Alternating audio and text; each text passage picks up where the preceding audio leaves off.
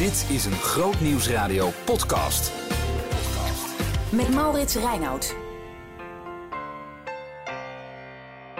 Je bent er weer bij het podcastkanaal Preek van de Week. En goed dat je luistert, want uh, hey, wat is er nou beter dan je laten voeden door het woord van God?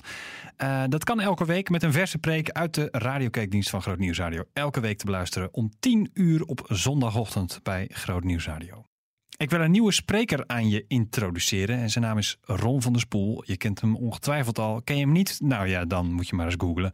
Um, en het uh, thema van de preek is de vraag die Adam krijgt in de tuin van, uh, in de Hof van Eden. En die vraag luidt, waar ben je? We lezen met elkaar uit Genesis 3. Um, in de Bijbel staan een, hele veel vragen die God aan ons stelt. Hè. Normaal gesproken stellen wij God vragen. Dat zijn we gewend. Maar het is opvallend dat in de Bijbel ook een aantal keer staat dat God aan ons iets vraagt. En de allereerste vraag die God aan de mens stelt, lezen we in Genesis 3. Ik lees vanaf vers 1 tot en met vers 10. Van alle in het wild levende dieren die God de Heer gemaakt had, was de slang het sluwst. Dit dier vroeg aan de vrouw: is het waar dat God gezegd heeft dat jullie van geen enkele boom in de tuin mogen eten? We mogen de vruchten van alle bomen eten, antwoordde de vrouw, behalve die van de boom in het midden van de tuin. God heeft ons verboden van de vruchten van die boom te eten of ze zelfs maar aan te raken, want doen we dat toch, zullen we sterven. Jullie zullen helemaal niet sterven, zei de slang. Integendeel, God weet dat jullie de ogen zullen opengaan zodra je daarvan eet. Dat jullie dan als goden zullen zijn en kennis zullen hebben van goed en kwaad. De vrouw keek naar de boom. Zijn vruchten zagen er heerlijk uit. Ze waren een lust voor het oog en ze vond het aanlokkelijk dat de boom haar wijsheid zou schenken. Ze plukte een paar vruchten en at ervan. Ze gaf ook wat aan haar man, die bij haar was, en ook hij at ervan. Toen gingen hun beiden de ogen open en merkten ze dat ze naakt waren. Daarom regen ze vijgenbladeren aan elkaar en maakte er lendeschorten van. Toen de mens en zijn vrouw God de Heer in de koelte van de avondwind door de tuin hoorden wandelen, verborgen ze zich voor hem tussen de bomen. Maar God de Heer riep de mens: Waar ben je? En Adam antwoordde: Ik hoorde u in de tuin en werd bang omdat ik naakt ben. Daarom verborg ik mij. Die vraag van God hier aan Adam is een vraag die aan ieder van ons wel eens is gesteld door andere mensen. Waar ben je? Begon al als kind, je was aan het spelen, ergens in het huis, het etenstijd en papa of mama riep, waar ben je? Waar ben je? Of um, later, een geliefde, je woont bij elkaar in huis, je bent bezig met uh, iets en dan roept zij of dan roept hij, waar ben je? En dat kan op verschillende manieren gevraagd worden. Dat weten we allemaal heel goed. Soms, en dan, dat, dat hoor je eigenlijk direct, soms wordt het verlangend gevraagd. Hè, waar ben je? Ik zoek je, ik wil graag bij je zijn. Soms wordt het uh, nou, meer streng gevraagd. Waar ben je? Hè? Dus ik weet wel dat uh, als mijn vrouw, net uh, als mij roept, waar ben je? dan hoor ik al aan de stem, oh help, ik ben iets vergeten of ik heb iets niet goed gedaan. Hè, dus ik word ter verantwoording geroepen. En soms is het juist verlangend. Kom even bij me, zullen we samen even koffie drinken? Waar ben je? Hoe, vraag ik me af, hè? hoe zou de stem van God geklonken hebben tegen Adam en Eva, hier in het paradijs, wat we gelezen hebben met elkaar? Ze zijn verstopt, hebben we gelezen. Adam en Eva hebben zich verstopt in de bosjes, letterlijk verstopt in de bosjes, maar ook figuurlijk verstopt. God komt in de koelte van de avond, komt God naar ze toe. En tuurlijk weet God waar ze zijn, maar ze verstoppen zich voor God. Want ze zijn over de grens gegaan. Ze, ze hebben die ene grens die God gesteld heeft. Die grens tussen het God zijn en het mens zijn, de grens tussen schepper en schepsel, wilden ze passeren. Ze hadden alles. Het was, het was perfect, het was volmaakt. Ze konden eten en doen en laten wat ze wilden. En het was een volkomen harmonie tussen Adam en Eva. dat staat ook aan het eind van hoofdstuk 2. Beide waren ze naakt toen God de mens had gemaakt. Beide waren ze naakt, de mens en zijn vrouw, maar ze schaamden zich niet voor elkaar. Dus man en vrouw, volkomen harmonie. Ehm, ze keken naar elkaar, ze zagen wel dat ze verschillend zijn, maar ze vulden elkaar volmaakt aan. Het was een geweldige, mooie eenheid. Shalom heet dat in de Bijbel. Hè. Het, is, het is een enorme eh, harmonie. En die harmonie was er ook tussen God en de mens. Zoals God, Vader, Zoon en Heilige Geest een drie-eenheid vormen, zo vormde toen de Vader en Adam en Eva ook een drie-eenheid. Ze horen bij elkaar, ze houden van elkaar en ze wandelen met elkaar. Iedere avond, hè, zo blijkt hier, in de stilte van de avond, wandelde God met de mens. En bespraken ze samen dingen, denk ik zo. Hè? Zoals je wandelt met een vriend of met een geliefde. Zo, zo een harmonie was er. En toen kwam daar dat stemmetje, die Satan, die, die, die duivel, die, dat, dat stemmetje wat wij allemaal, denk ik, ook wel kennen. Hier bij monden van de slang, in, dit, in deze geschiedenissen in, in Genesis. Maar het is een stemmetje wat tot op de dag van vandaag klinkt. Een stem die zegt, is dit alles? Zou je niet meer willen? Zou je niet beter willen? Zou je niet als God willen zijn? Jullie kunnen ook, jullie kunnen ook het onderscheid tussen goed en kwaad. Jullie kunnen ook wijsheid eh, ontvangen. En ze gingen over de schreef. Eva, Adam bij haar staat er. Hè. Samen gaan ze over de grens van God heen. En vanaf dat moment, op het moment dat ze dus toch gaan kiezen voor zichzelf in plaats van voor samen met God te zijn, in, vanaf dat moment dat ze die grens passeren, is er een breuk. Voelen ze onmiddellijk, het is kapot. Het is stuk.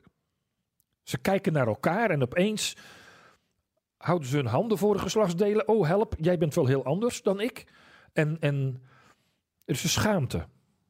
Dat is het eerste wat er staat. De gevolgen van de zonde, van de val die ze hebben gemaakt, van, van de breuk met God, is dat ze ook een breuk met elkaar ervaren. Er is schaamte naar elkaar. En tegelijkertijd voelen ze angst voor God. De gevolgen van de breuk, de gebrokenheid, het, het, zondig zijn, is tot op de dag van vandaag het ge- gevolg van het luisteren naar dat stemmetje diep van binnen in je. Van ga, ga voor jezelf, ga voor meer, ga voor enzovoorts. Het gevolg is dat je niet meer echt en open bent. Naar de ander niet en naar God niet. Schaamte voor elkaar en angst voor God. Hè? Adam zegt als God hem tevoorschijn roept, ik, wij waren bang voor u. Ik hoorde u in de hof en ik was bang, want ik ben naakt. Angst voor God. En misschien herken je dat zelf ook wel. Als je zondigt, als er dingen in je leven zijn gebeurd waarvan je weet het is niet goed, dan durf je de ander, als het ten opzichte van die ander is, durf je die ander eigenlijk niet meer echt onder ogen te komen. Je kunt elkaar niet meer echt in de ogen kijken. En je durft God eigenlijk niet meer onder ogen te komen. Wat zal hij wel niet van mij denken? Je bent niet meer echt, je bent niet meer open, je bent compleet teruggeworpen op jezelf. Dat is wat er gebeurt in onze gebroken wereld als we zondigen. En dan klinkt iedere keer weer, ook vandaag, deze vraag van God. Waar ben je? Waar ben je? En in die vraag, als je die echt tot je door laat dringen, waar ben je? Hoor je al de misère van de zonde, al, al de pijn van God over, over dat hij ons kwijt is, ons hart, onze ziel kwijt is, dat we ons ten diepste voor hem verbergen. Je hoort alle ellende van de zonde, maar je hoort ook de grandeur van de liefde van God. Je hoort ook hoe geweldig zijn genade is, want hij stelt die vraag wel. Maar het is eerst de pijn van, van die zonde, van het God niet willen ontmoeten. Het is, het is de pijn van die vader van die verloren zoon uit de gelijkenis die Jezus vertelt. Die jongen die zegt, geef mij het deel van mijn vermogen, ik wil mijn eigen gang gaan. En hij gaat er vandoor. En, en, en, en dan, dan, dan voel je, dan proef je de pijn van die vader. God is ons kwijt. Omdat we die ontmoeting uit de weg gaan. En dat kan op allerlei manieren. Je kunt ehm, je op heel veel manieren verstoppen achter een bosje. En misschien is het wel een goede vraag vandaag om je eens af te vragen: wat is mijn bosje? Dat kan bijvoorbeeld teleurstelling zijn. Dat je zo eh, teleurgesteld bent in mensen of in God, dat je denkt: nou laat maar, ik, ik, ik, ik verstop mij achter die teleurstelling en ik kom niet meer tevoorschijn voor God of voor een ander. En ik denk dat als je gewend bent om eh, eh, in God te geloven, dat vroomheid ook wel eens een bosje kan zijn. Er is een lied, een gezang, gezang 395 uh, in, in het oude liedboek van de kerken, waar staat: O Heer, verberg u niet voor mij wanneer ik mij verberg voor u. Ik ontwijk u en ik ben bang voor u. En, en dan staat erop: En wees niet toornig over mij wanneer ik u geen liefde bied. Ik bid, maar ik ben het niet. Ik buig mij, maar ik ben het niet. En mijn gebed is tegen mij. Je kunt ook in je bidden en in je Bijbel lezen, kun je jezelf verstoppen. Kun je hele mooie woorden tegen God zeggen, maar er niet echt bij zijn. Niet met een open hart bij hem zijn. Dan zegt God vandaag tegen jou, waar ben je? Waar ben je? En op het moment dat God dat vraagt, sta je voor de keus. Je kunt je blijven verstoppen en hem de rug toekeren. Of je komt tevoorschijn. Hineni heet het in het Hebreeuws. Hier ben ik, Heer. En dat is wat Adam doet en Eva. Ze stappen uit de bosjes en ze komen tevoorschijn. En tevoorschijn komen betekent beleiden. Tevoorschijn komen betekent misschien wel vol schaamte hem onder ogen komen. En eerlijk zeggen dat je hem vergeten bent. Of dat je bang voor hem bent. Of ja, wat je gedacht hebt, wat je gezegd hebt, wat je gedaan hebt.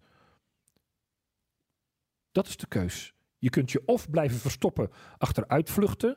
Eigenlijk doen Adam en Eva dat ook. Hè? Want ze zeggen, ook al komen ze tevoorschijn, ze zeggen, uh, die, die, die vrouw die gij me gegeven hebt, en die slang, ze proberen het nog steeds af te schuiven. Maar God blijft vragen, waar ben je? Waar ben je? Ik wil jou, ik wil je hart. God roept ons en dat doet pijn. Dat is de pijn van Petrus. Na, na, de opstanding van Jezus, heb je mij lief? Heb je mij lief? Heb je mij waarlijk lief? Blijft Jezus vragen. Petrus, waar ben je? Waar ben je?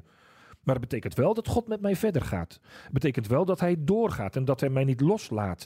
En, en als je je afvraagt hoe heeft die stem van God geklonken, dan weet ik hoe die geklonken heeft. Het is een stem van liefde geweest. Het is een stem van iemand die zijn kind kwijt is en ontzettend verlangt. En daarom komt God weer naar ze toe, ondanks de breuk die ze met hem hebben gemaakt. Daarom komt God ook weer naar jou toe vandaag, in deze vraag. Mijn lieve kind, Waar ben je? Kom tevoorschijn. Kom naar mij. Leg het voor mij neer. Open je hart. En je zult mijn vergeving, mijn genade, mijn liefde weer meer dan ooit ervaren. Amen. Behoefte aan meer? Grootnieuwsradio.nl slash podcast.